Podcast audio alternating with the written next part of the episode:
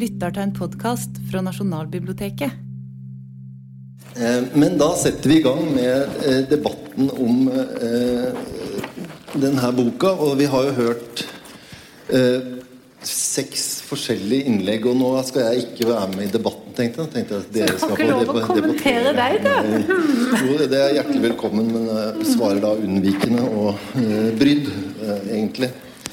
Eh, eh, det jeg tenkte jeg aller først skulle stille spørsmål om, og det kunne jeg kanskje eh, være så freidig at jeg stiller til forfatteren av boka 'Revolution of the Ordinary' først. da. Eh, og det er eh, i hvilken grad på en måte, og det, det, Du hører jo at det er henta litt fra eget hjerte, altså, men i hvilken grad eh, ville du karakterisere på en måte den teoretiske posisjonen i den boka som monistisk? Eller hvordan, hva, hva tenker du er alternativet til den postsosianske, eller hvordan vil du omtale det og, altså den, eh, The ordinary language eh, philosophy Altså posisjonen? Jeg er ikke sikker på om jeg hørte helt det første ordet. Hvordan jeg ville karakterisere den som humanistisk, var det det Altså, du sa? ja, hva slags teori Er den monistisk? Er den, eh, altså, Og monistisk, eller, ja. Antidualistisk? Hvordan vil du tenke den i forhold til det postsosianske? Ja. du kunne utdype det litt? Altså, det er jo et spørsmål som jeg vel ikke skriver så mye om. Men la oss si Alt jeg sier, tar jo, uttrykk, tar jo utgangspunkt i at det finnes noen som taler. Og den som taler, uttrykker ikke bare et syn på verden, men en måte å være i verden på. Og for, for meg så er for en beskrivelse i en roman er en sammensmeltning av en stemme og noe en ser. Men jeg tror ikke det betyr at du opphever eh, selve begrepet subjekt og objekt. Men jeg mener jo intenst at tanken på at man nærmer seg språket i en tekst som om det var en ting utenfor en, det, det er jeg jo uenig i. Jeg tror du, Det var du som snakket om Stanley Fish, ikke sant? Og Stanley Fish i, Stanley Fish sitt syn på teori er forskjellig fra mitt. Jeg kan si det uten at jeg klarer å si noe om monisme eh, spesielt, eller dualisme. Jeg føler ikke at det er begrep som jeg helt har forholdt meg til. Men um, altså Stanley Fish mener at teori er unødvendig fordi det ikke forklarer hva vi faktisk gjør. Altså Teori kan i beste fall være en egen praksis. Og det for meg ville blokkere f.eks. sånt arbeid som Wittgenstein sitt. At eh, da skjønner jeg ikke Da vil, ja, da vil Stanley Fish si ja, all teori som Wittgenstein bedriver, det her er hans egen praksis. og Dermed så skjærer du av det, det som virkelig som plager meg med det, det er at da skjærer du av muligheten for at dette at du får en innsikt, en teoretisk innsikt, faktisk kan endre deg og gjøre noe med deg i livet. Jeg husker jeg diskuterte akkurat det der med Stanley Fish for 1000 år siden da han jobbet ved Duke. Og da sa jeg til Stanley det, Dette var jo på den tiden da vi alle leste Lacan osv. Så, videre, så sa jeg til Stanley Ja, men hva med hva med psykoanalytisk terapeutisk praksis, da? Der psykoanalytikeren har studert Freud og Lacan, eller hvem det nå kan være, og så kommer med intervensjoner. Altså du prater, du ligger på sofaen og prater, og av og til så sier psykoanalytikeren noe som ikke er en teoretisk setning, men et spørsmål eller en bemerkning som jo har oppstått av den teorien de har lest. Og da de kunne han ikke svare. Da sier han 'det vet jeg ikke hva jeg skal si til'. Så det er for meg, jeg føler at det alltid er et problem når du sier at teorien er sitt eget språkspill, og det skal ikke rekke utover noe annet. Men jeg er jo ikke uenig i at alle praksiser og det vi trenger for å gjøre ting, ligger i språket og i vår måte å være sammen på. Jeg vet ikke om det er noe svar. Men ehm, Jo da, det, jeg, jeg, jeg syns jo absolutt det. Uh, uh, jeg tenkte kanskje jeg skulle fortsette med å spørre Anniken Greve. Du, uh, du, ne, du snakker jo om Wittgenstein som en, altså den terapeutiske lesningen og filosofien som en sykdom. Ikke sant? Jeg vet ikke helt hvordan jeg skal koble Dette er jo veldig abstrakte ting som jeg kjenner at det er vanskelig å være rask i tankegangen etter en lang dag. Men Jeg tenkte allikevel jeg skulle stille deg spørsmålet Hvordan ser du på liksom forholdet mellom altså det, filosofiske poenget og et litteraturfaglig poeng. Er det Altså eh, Når jeg stilte eh, Toril Moi spørsmål om den monismen, så er jo det et forsøk på å hva skal jeg si, karakterisere en teori på en, en, eller annen måte. Og i en eller annen forstand så tenker jeg også at det kanskje har noe med at det har noe med Det kan få, valg, kan få følge for de valgene du gjør som leser, men, men hva er ditt forhold mell, ja. til forholdet mellom filosofi og fag? Altså Det er selvfølgelig et veldig komplisert uh, for, for, altså Det er veldig mange, det har mange, mange, sider, og det var vanskelig å si kort. Men når det gjelder hva altså jeg, jeg, er veldig opptatt av at vi skal konsentrere oss om arbeidet. Altså det faglige arbeidet. Det filosofiske arbeidet og det litteraturfaglige arbeidet. Og i teorifeltet så tenker jeg meg at uh, vi må vi, vi, trenger å skaffe oss mye mer spesifikke oppfatninger av de og oversikt over, blikk over, de ulike funksjonene som teorien fyller. Så veldig mye av det jeg har arbeidet med de siste 10-15 et eller annet 100 årene, er å differensiere teorifunksjonene. Rett og slett lese teoritekster med henblikk på å identifisere hvilke teorifunksjoner de bidrar til. Og da er, er hovedskillet i en sånn tenkning det er skillet mellom en reflekterende funksjon, altså hvor eh, teorien bidrar til refleksjon over hva litteratur er, eller hva litteratur gjør, eller noe sånt. Og så er det den praktiske funksjonen, hvor teori gir oss noe vi kan gripe inn i. Som kan, gir oss noe som kan praktisk gripe inn i altså redskapsfunksjonen i, i, i lesearbeidet. Og Hvis du starter der, så kan du på så, nå jeg, så har, jeg har sånne omvendte trær-grafer i hodet. Eh, sånn ser min sjel ut. Den har en haug med omvendte trær, altså rot, sånne rot, eh, rotgrafer. Og I den omvendte eh, tregrafen da, så kan dere se for dere at vi skiller ned den reflekterende og den eh, funksjonen og, og den praktiske funksjonen, så kan vi dele på hver side. Og så kan vi dele i f.eks. råd til leseren, råd til skriveren. Og så, i råd til skriveren så kan vi dele i evaluerende funksjon, analyserende funksjon, kategoriserende funksjon osv. Så, videre. så det jeg har gjort de siste 10-1500 årene, er å lese hundrede tekster og prøve å identifisere hvilke ulike funksjoner de ulike tekstene yter noe til. Og Da, vi, da er vi liksom langt forbi det at vi kan spørre hva er litteraturteori. Da spør vi heller hva yter litteraturteori? Og så har vi mye mer spesifiserte bilder av hva litteraturteori kan yte. Og så kan vi analysere hver tekst med henblikk på å se alle de forskjellene i den teksten. Så sånn er det jeg tenker på det. Så det, det ikke noe i, I min verden så fins det ikke noe godt ensetningssvar på hva litteraturteori er. Vi må undersøke hva litteraturteori kan utrette innenfor den faglige virksomheten. Hva er favoritten din? Reflekterende eller den praktiske? Nei, det er faktisk altså Når det gjelder øh, Hvis jeg skal si Når det gjelder altså, Wittgenstein, f.eks., så tror jeg at Wittgenstein har veldig viktige ting å yte til den reflekterende funksjonen. Men, og, men, og han har veldig mye å yte til vår tenkning om hva vi trenger i den praktiske funksjonen. Men selv anser jeg ikke at han leverer noe som helst selv til den praktiske funksjonen. Altså Han hjelper oss å tenke gjennom hva vi trenger når vi skal undersøke en tekst grundig og godt, og sånn som vi bør som uh, offentlig betalte og ansatte litteraturvitere. Men vi får ikke noen begreper selv hos han. For eksempel, begrepet språkspill har jeg aldri hatt bruk for i en litteraturfaglig sammenheng. Uh, begrepet terapi har jeg omtrent aldri hatt bruk for. Uh, Primitive reaksjoner har jeg av og til hatt bruk for, men det, jeg kan faktisk ikke helt huske men det er veldig sjelden. Og I praktisk analysearbeid så må jeg først gjennomføre analysen før jeg kan se om det er noen forbindelser mellom det som er tekstens anliggende, og det som er Wittgensteins anliggende. F.eks. når jeg øh, arbeidet med, arbeidet med uh, i 10-1500 år med forbanningen av Kafka, som er liksom en tekst jeg virkelig har arbeidet med det meste av det profesjonelle livet mitt.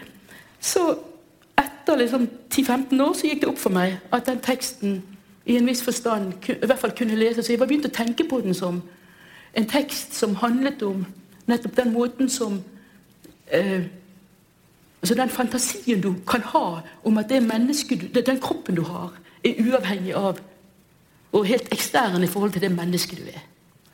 Det er en veldig viktig innsikt hos Wittgenstein. Eh, altså kritikken av dualismetenkningen. Men det kom utrolig sent i en leseprosess. Og, og frem til den forståelsen av forvandlingen så hadde jeg ikke brukt Wittgenstein til noe som helst. Men jeg bruker Wittgenstein til f.eks. å Altså, Jeg var jo i den heldige situasjonen at jeg ble dratt inn i et filosofiarbeid mens dette her eh, litteraturteorigreiene pågikk.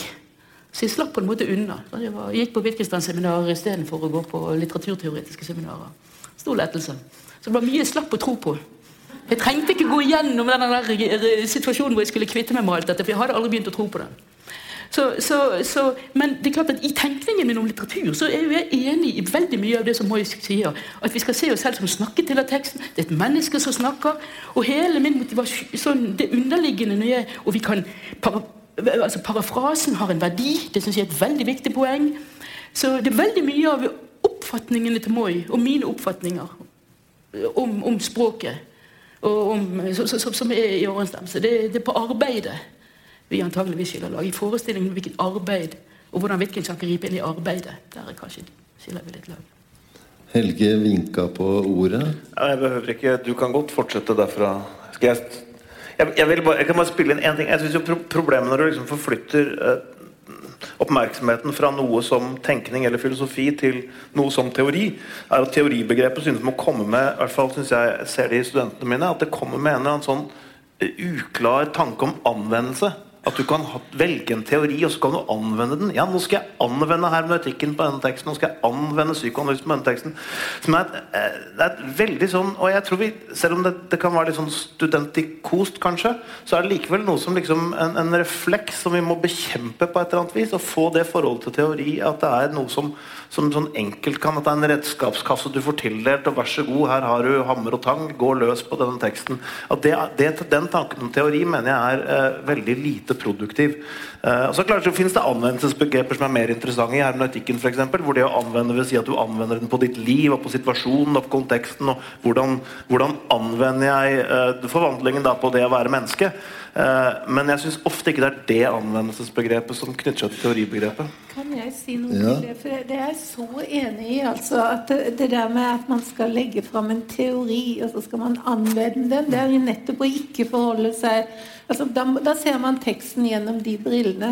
Men jeg skriver jo, jeg oppdaget da jeg holdt på å skrive dette, helt i slutten av et eller annet kapittel, ja, så sier jeg noe om at eh, jeg ikke tror at vi egentlig har metode for lesning.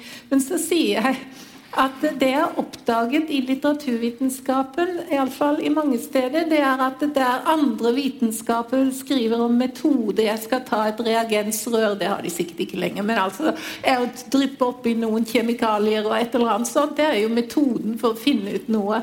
Der pleier litteraturforskere vanligvis å skrive ned hvilken teori de skal bruke. Altså de har klart å forveksle Eller hvis man studerer, jeg kunne tenke meg å lage et kart over språkbruken eller grammatikken som Wittgenstein Wittgenstein sier på ordet for teori og ordet for metode i våre fag, så vil man se at veldig ofte er, Og etter denne teoribølgen vi har hatt, så sier vi jeg skal gjøre en psykoanalytisk lesning, og så blir psykoanalysen metoden. Og det blir jo også veldig forvirrende, så jeg prøvde å komme utenom det men jeg sier at Iallfall så vil jeg, jeg, vil, jeg sier ingenting som jeg mener folk skal gjøre om til en instrumentell bruk av et eller annet til å lese tekster med.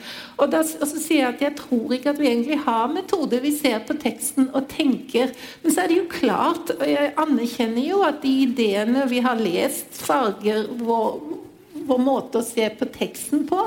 Men er ordet metode riktig? Mm. Og dette oppfatter jeg som et forsvar for humaniora i den forstand at jeg er så lei av alle disse stedene du kan søke om penger til et eller annet prosjekt der humanister bes om å skvises inn i båser som passer mye bedre for f.eks. naturvitenskapene. Og Dermed så må vi oppfinne en hel metode når vi faktisk Nesten alle jeg kjenner, føler at de ikke helt har fått det til. Altså Så sier vi det virker så greit, det er Derrida eller Adorno eller hvem det er. Men det er jo ikke sånn vi leser, og det er ikke rimelig at de skal avkreve det av oss. Men jeg tror ikke du får stipend om du sier noe som jeg sier her, nemlig um, jeg skal virkelig forsøke å anerkjenne teksten. Og det, det, det, består av at først må jeg finne fram spørsmålet. Etter mitt syn så er det bare én ting som gir god forskning, og det er å finne et godt spørsmål. Og det gjør du kanskje ikke det første året du holder på med det. Altså Du sitter og leser og herjer og strever med Jenny f.eks., og så en dag så legger du merke til noe. Hvorfor dette? Og da kan du begynne. Men, jeg, men det, sånn er ikke forskningsfinansieringen opplagt, fordi den er ikke tilpassa virkelig viktige humanistiske behov. Så det er noe av det jeg for, sånn implisitt forsvarer i denne boka, i hvert fall. Mm. Et, et, en kort replikk fra Greve? Bare helt enig i det. At uh, det er absolutt et mål å unngå at teorier hvor det det kommer fra, fra filosofi eller fra andre fag, styrer lesningen. Så uh, alt jeg tenker om metode, er at det skal metoden hindre. Så alt det jeg tenker på som metode, det er metode som ikke gir oss et vokabular å tolke teksten i. Så den metodikken jeg sjøl har vært med på å utvikle, den, helt, uh, den har vi si, renset for språk, for termer som vi kan bruke i analysen av tekster. Bortsett fra på helt sånne eh, Altså noen eh, nesten sånn eh, grammatikkaktige ting. Så, så det, det, er det som er utfordringen med å lage en metode for tolkning av tekster. Det er å lage spørsmål som ikke har svaralternativer i seg. Det er den harde jobben. Og da har du egentlig bare en måte å undersøke, undersøke teksten høyt og lavt og bredt og fjernt Sånn at du prøver å unngå at noe som betyr noe for hvordan denne teksten meddeler seg, at du ikke skal gå glipp av det. Men det er, det er du, Kristine. Nei, jeg bare, men det er også litt i forlengelsen av foredraget ditt. Altså, sånn som jeg hører deg, så er jeg litt sånn usikker om du mener at det faktisk er et, altså et, et genuint spørsmål du er opptatt av, eller er det bare for å på en måte du, nå, når du i det, det, siste du sa, var liksom at du skal kunne åpne opp spørsmålet sånn at du virkelig får med deg all teksten muligens sier. Det syns jeg er litt forskjell til noe av det jeg oppfatter du gjør. Nemlig det at du på en måte reagerer på teksten og blir opphengt i et eller annet ved denne teksten.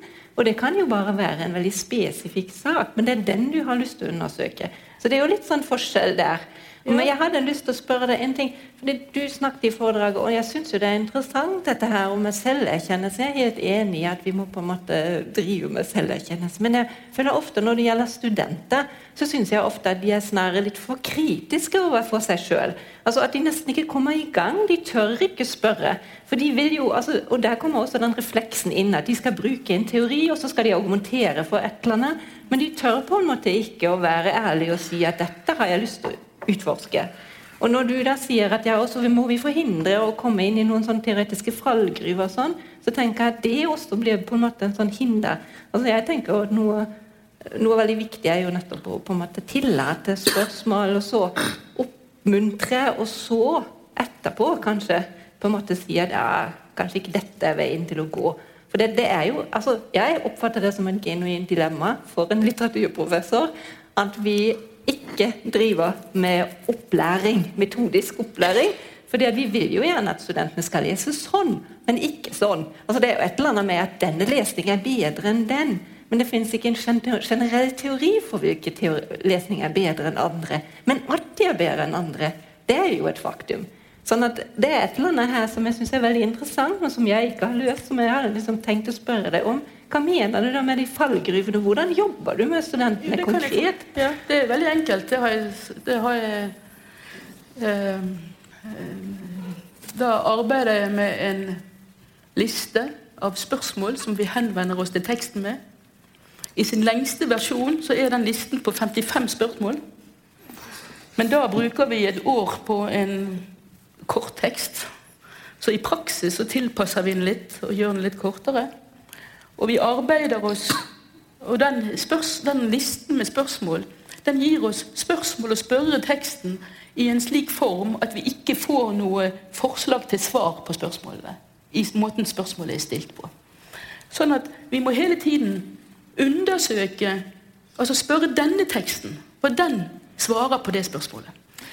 Og det vil, det vil si, altså den, den, er jo offentlig tilgjengelig, den metodikken, så det er jo lett nok å, å, å, å, se hva det går i. Men det betyr jo hovedtanken, den hermenøytiske hovedtanken, det er at tekstens anliggende som hos deg, Toril, du er jo opptatt av tekstens anliggende. Og tekstens anliggende er det som er viktigst å gripe. Vi må på en måte, Hvis vi skal se den kommunikative kraften i teksten, så må vi gripe dens anliggende. Men, hus, og, men bare nå må vi avslutte det. Og vi tenker, Jeg tenker sånn hermenøytisk at tekstens anliggende det er det første vi har intuisjoner om, og det siste vi kan trekke konklusjoner om. Og så prøver jeg å lage veien fra de intuisjonene til de konklusjonene så lang jeg bare kan. Hvis jeg får lov å ja. si noe til det, så jeg, jeg har på følelsen av dette Her kan det tenkes at jeg misforstår totalt. Jeg har ikke tenkt å gå inn i det. Men det høres ut som om hvis det finnes en liste på 55 spørsmål gitt før ethvert møte med enhver tekst, så, så nærer den opp under en drøm om noe som kanskje en kunne kalle en fullstendig lesning, eller noe sånt. Men det er en sideting. Altså, jeg føler at vi kan ikke vi kan ikke gi oss til altså Jeg liker ikke så veldig godt å snakke om å ha ferdiglaga spørsmål til teksten, for det er jo nettopp i møte med teksten der jeg må forsøke å uttrykke hva jeg ser. Altså For meg så er en litteraturlesning La oss kalle det en profesjonell litteraturlesning. Er en som du må skrive ned og enten få karakter for eller publisere. Det er jo en slags rapport om en erfaring, sier jeg også i boka.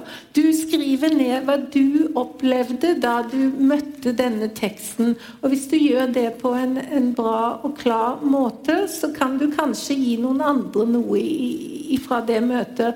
Og i sånne ting så tenker jeg godt at det kan være bra å ha noen checklist å tenke på når en først har kommet inn i problematikken, men det er nå så Jeg hadde lyst til altså, jeg hadde lyst til å ta opp én ting som flere av, av mine eh, kommentatorer tok opp, nemlig at dette er noe som er et genuint spørsmål fra meg til hvem det nå er som har lyst til å svare på det. Flere, men Nå husker jeg ikke akkurat hvem som sa hva. Flere påpekte at boka mi gjør seg avhengig av Stanley Cavell sitt, sitt arbeid. Det er jo utgangspunktet. Jeg sier det på side én. Jeg sier at det er han som har konstituert dagligspråkfilosofien, et, altså tradisjonen etter den sene Wittgenstein og Austin, slik at den er blitt den fortolkningshorisonten for Wittgenstein som jeg driver med i denne boka.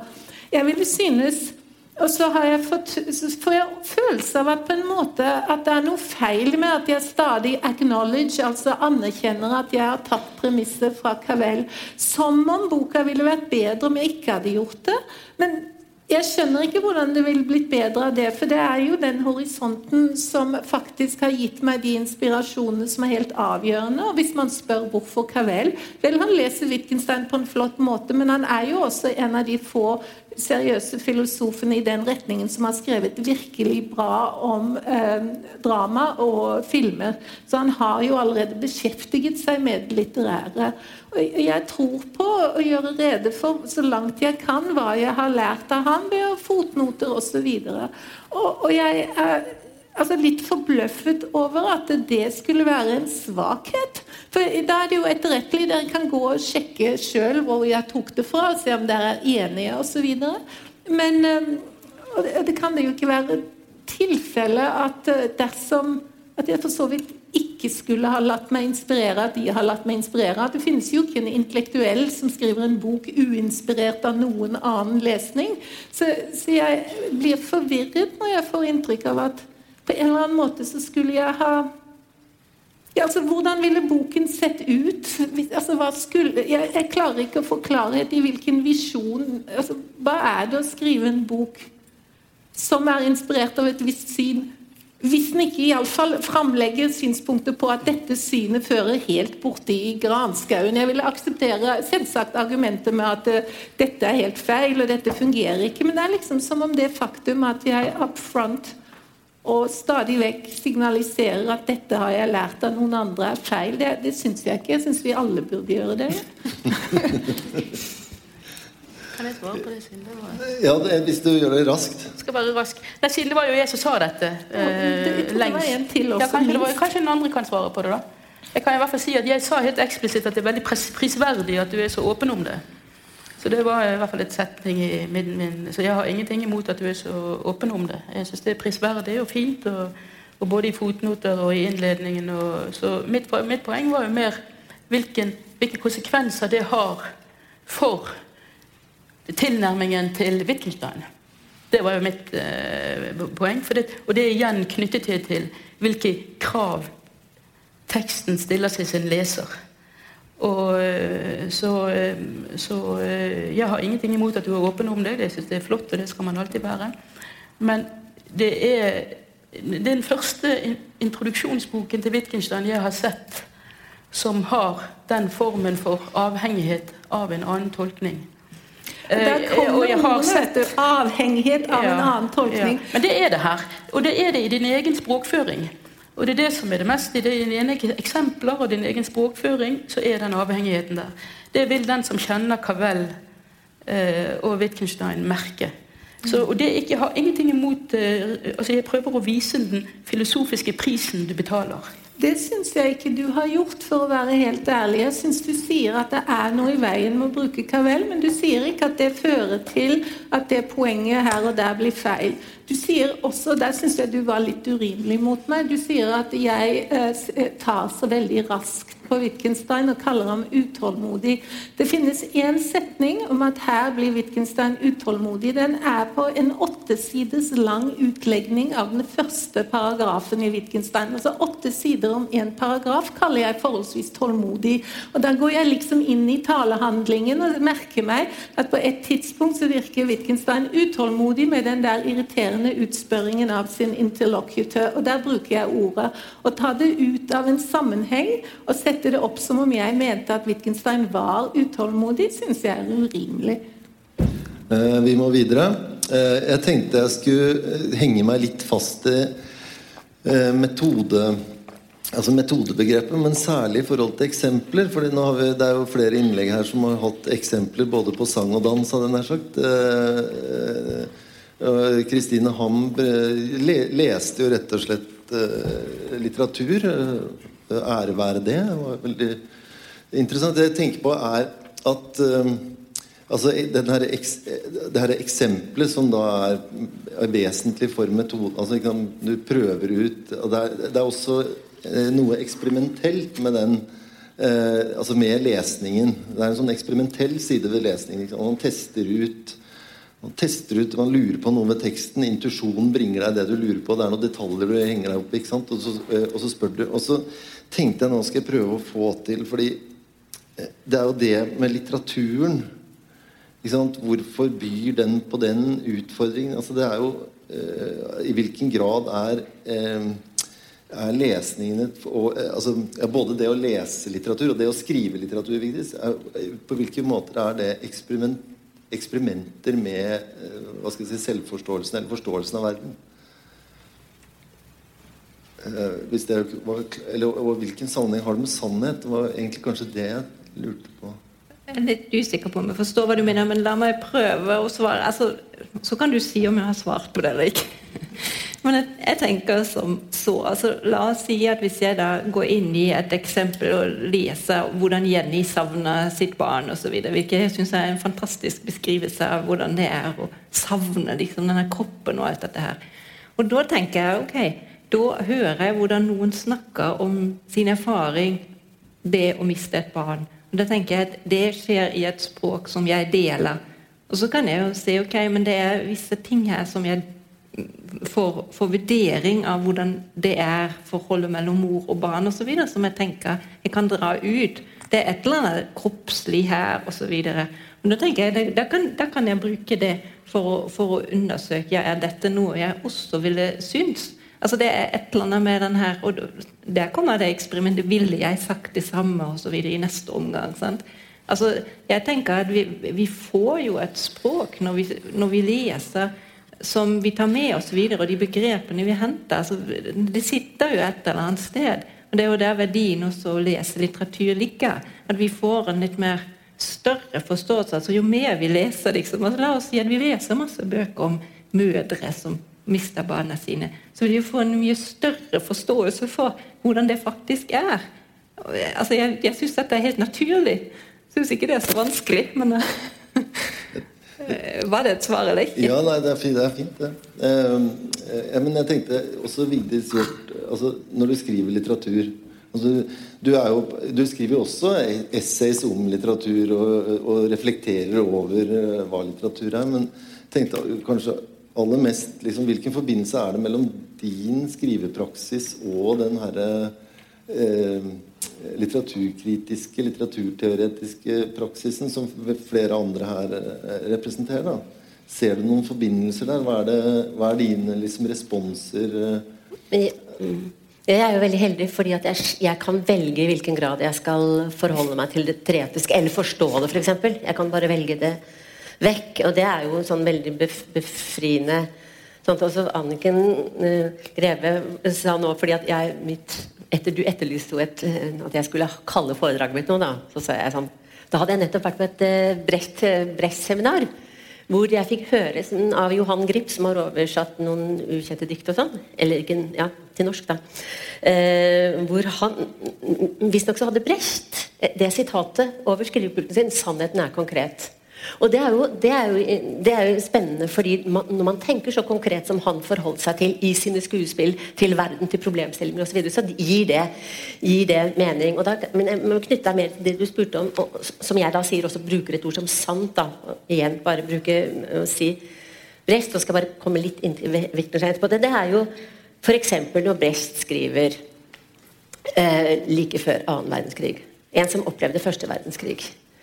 Så skriver han To setninger. Regjeringene skriver fredsavtaler. Lille mann, skriv testament. Er det sant? Altså, I hvilken grad For den lille mann som hadde opplevd første verdenskrig, mellomkrigstida, som så denne, så er jo det en innlysende sannhet man ikke behøver å konsultere annet enn sitt hjerte for å forstå. da. Og det er jo noe som det blir så opplagt når man opererer med så, eh, så sterke folk som eh, så, så fine folk som, som Bertolt Brecht. Men den sannheten er ikke den er liksom ikke kompatibel med en sånn enkel virkelighetsforståelse. Men jeg tenker på, sånn, Vi hadde jo en samtale i går hvor, hvor jeg Du trodde var vekk, men jeg var litt sånn usikker på Men du har dette an kaninbildet, da. Og tenker på, som I min privilegerte eh, posisjon så er det sånn hvis du ser det som en and, og den kommer blant kaniner. Eller hvordan hvis den ser det som kanin, og den kommer blant ender, blir plassert på ender. Hvordan ville det ta seg ut da? Og da kan jo jeg bruke det Wittgenstein til liksom sånn tenke sånn Oi, dette kunne bli en spennende novelle. liksom. Her kommer kaninen, kaninanden inn blant sånn, altså, Som du da, så sier Tore sånn Ja, da vil jeg spørre Kan du hoppe? Kan du svømme? Ikke sant? Altså, og det er jo det som er så enormt, eh, enormt befriende for meg å kunne, kunne være i. Da. Så jeg har veldig stor respekt for at dere klarer å være i dette, dette andre, for det virker så krevende. altså. Tror, jeg, har veldig lyst til å si noe om revolusjoner. For jeg satte sånn pris på Helge sin analyse av liksom revolusjonsord og når vi bruker det og sånn. Og hvem og når kaller vi en endring revolusjon osv. Jeg vil jo ydmykt gjøre oppmerksom på at det heter 'revolution of the ordinary'. Altså at det hverdagslige på en måte er en revolusjon i seg selv. Men så er det jo også klart et håp om at den kan revolusjonere en viss form for litteraturstudie. Det, det sier jeg jo. Men jeg, jeg, vil bare legge til en par ting. Altså det, Wittgenstein har et veldig fint avsnitt, helt avgjørende like etter det du siterte, tror jeg, rundt 108 eller der omkring. Så sier han noe om at det vi gjør Dette er helt på slutten av når han har gått gjennom alle disse her krystallklare begrepene og blitt kvitt dem, liksom. Så sier han det, det, hold, det vi holder på med, er å dreie Altså Undersøkelsen må dreies omkring, altså omdreiingspunkten må dreies om på sin egen akse. Og det er jo akkurat det der med altså at du tar platonismen og så snur den på sin egen akse, så får du den problematikken Wittgenstein er opptatt Så jeg tenker på det der med omdreiing og revolusjon. Og så tenker jeg at det er vel ganske mange for jeg er veldig, opp, veldig klar over, og jeg tror jeg skriver det også, at når Wittgenstein og dagligspråksfilosofien ser på et uttrykk, så ser de på et uttrykk som allerede er skjedd. Altså Jeg kan ikke legge ned krav om hva du skal si i framtiden, men jeg kan se på hva du har sagt, og gjøre et konkret eksempel ut av det. ikke sant? Så nå sier du noe, så kan jeg se på det. Det er altså på en måte alltid tilbakeskuende. Men der, der har du virkelig en interessant forskjell med en som f.eks. Derrida og generelt tradisjonelle teoretikere, som, som, så å si forsøker å lage en teori eller et begrep som så å si skal fange alle de framtidige tingene på forhånd. Det får Derrida til, etter mitt syn, feil å kritisere Austin, for Austin sier jo alltid ja, feil, Han snakker jo enormt om misforståelser og feilsnakkinger og sånt. Han er jo rene sånn Monty Python i, i Austin, ikke sant? så snakker Austin veldig mye om det. Om at alle talehandlinger kan slå feil, og ulykker og mishaps can happen osv. Og, og så skriver Derrida at det klarer Austin gir ingen forklaring på hvordan feil og misforståelse kan oppstå. Og så tenker jeg nei, men det er jo helt vanvittig. Wittgenstein skriver jo ikke noe om, om noe annet. så hvordan, da, da, får du et spørsmål. Hvordan kan det ha seg at dere i dag tror at Austin ikke sier noe om hvordan vi misforstår hverandre, og ordene faller igjennom, alt sånt, når hele boka er full av det? Og Det klarer du bare å forklare om du ser på at, at dere i dag så å si føler at det han holder på med som teori, er en slags ambulansetjeneste. ikke sant? Altså Du har begrepet stående klart, du har teorien om hvordan unntak alltid kan tenkes, men den, den, strukturen er lagt på forhånd, så når unntakene oppstår, så har du liksom teorien klar, ambulansen kommer, her har vi vi har det liksom men, mens for Wittgenstein og Austin så kan du ikke legge ned noen generell teori om alle språkhandlinger forut for at de har hendt. Du kan bare analysere de som har skjedd. Det er det det betyr å forkaste en generell teori om språket som sådant. Og dermed så blir det mer sånn ja, her slo det tydeligvis feil. Eller her begynte vi å slåss for språket bar oss ikke lenger. ikke sant? Så, så, da har du en helt annen synspunkt på hva det er at noe slår feil, og hva begreper eller teorier kan gjøre. Jeg kan så å si klargjøre det som har skjedd, men jeg kan ikke legge ned altså, Jeg har ikke den troen på hva en teori er, som gjør at jeg kan komme opp med en teori som legger rammen for alt det framtidige. Derfor så syns jeg nettopp at når du spurte at du var ikke sikker på om jeg ser meg tilbake eller framover, så syns jeg det var enormt fruktbart. For det er noe jeg for så vidt ikke har tenkt på før du sa det, men jeg har tenkt på det i språket.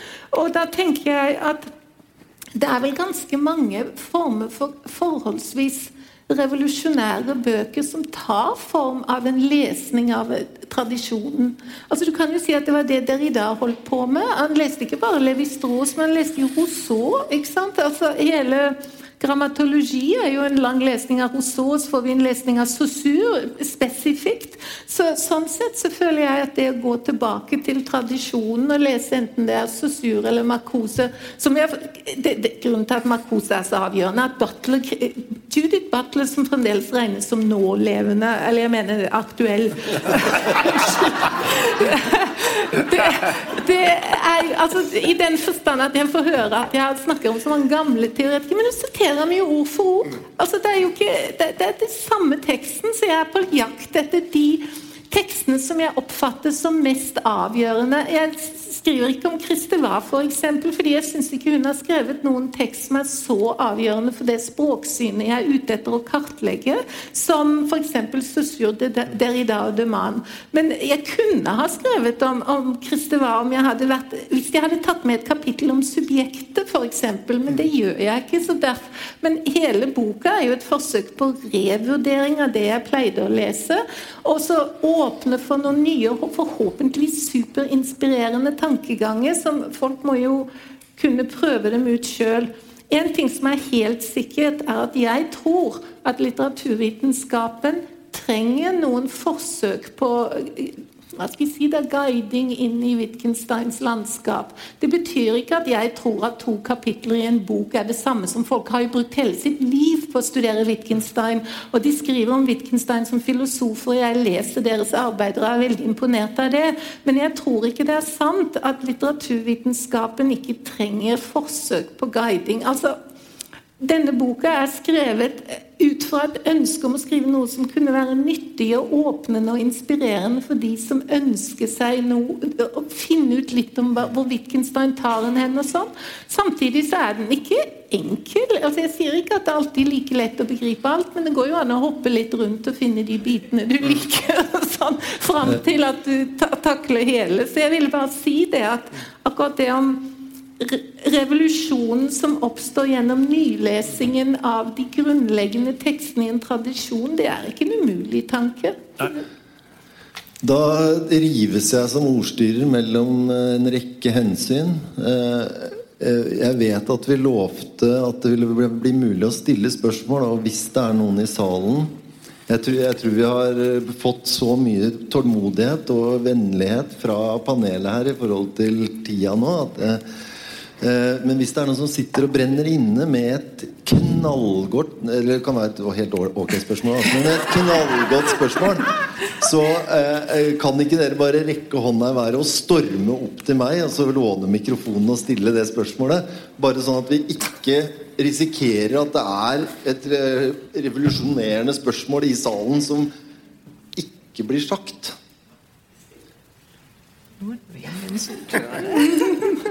Nei, du la lista høyt der. Ja, jeg, jeg, vet det. Det var meningen å legge den veldig lavt, og så ble den veldig høy. Eh, jeg føler på en måte at eh, det er på tide å takke deltakerne for utrolig fine innlegg og for sjenerøse, eh, nøyaktige og opplysende, opplysende lesninger av Toril Moys sin svært interessante bok, som dere har skjønt, så er det veldig mye å gripe fatt i der. Både av ting man vil debattere, og ting man vil lære av. Og da tror jeg egentlig jeg sier tusen hjertelig takk fra oss her på Nasjonalbiblioteket.